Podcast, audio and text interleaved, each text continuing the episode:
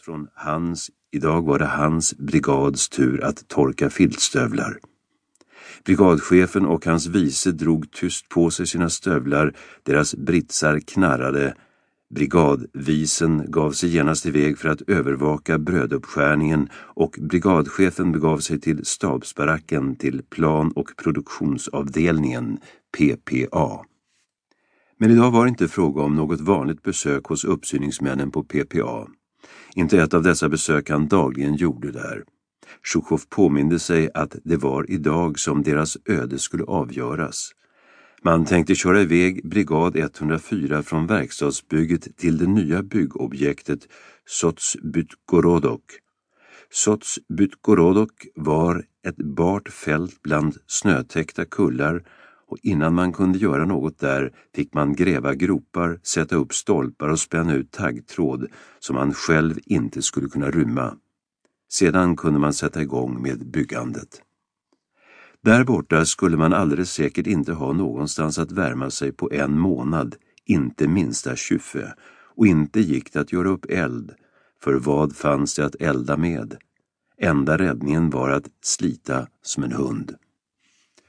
Brigadchefen var bekymrad när han gav sig iväg för att ordna upp det hela. Det gällde att försöka få iväg en annan och trögtänktare brigad istället. Alldeles tomhänt kunde man förstås inte komma om man ville få resultat.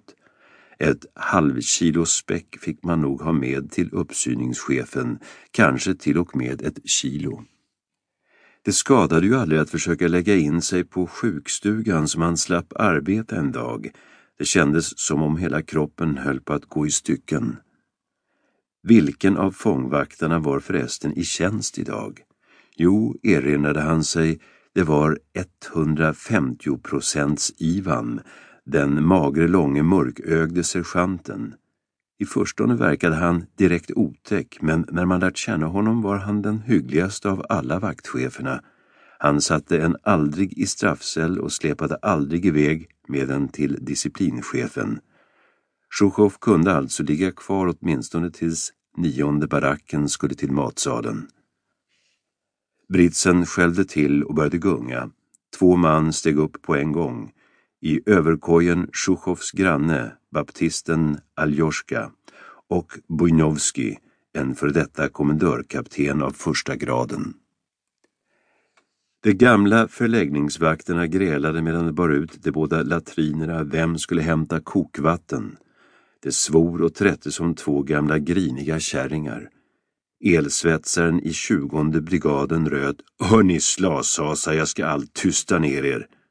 Och så slängde han en filtstövel mot dem. Stöveln slog dovt i en stolpe.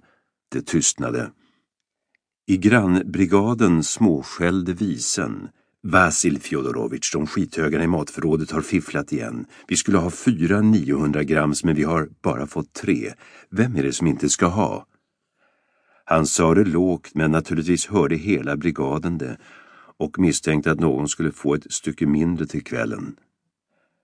Men Sjuchov låg kvar på madrassens hoppressade sågspån om det åtminstone tog en ordentlig vändning, antingen att han fick frossa eller att verken gick över. Men det fortsatte som förut. Medan baptisten viskade sina böner återvände Bujnovski från blåsten och nästan skadeglatt meddelade han alla som lyssnade Håll ut, rödmatroser, det är minst 30 grader ute.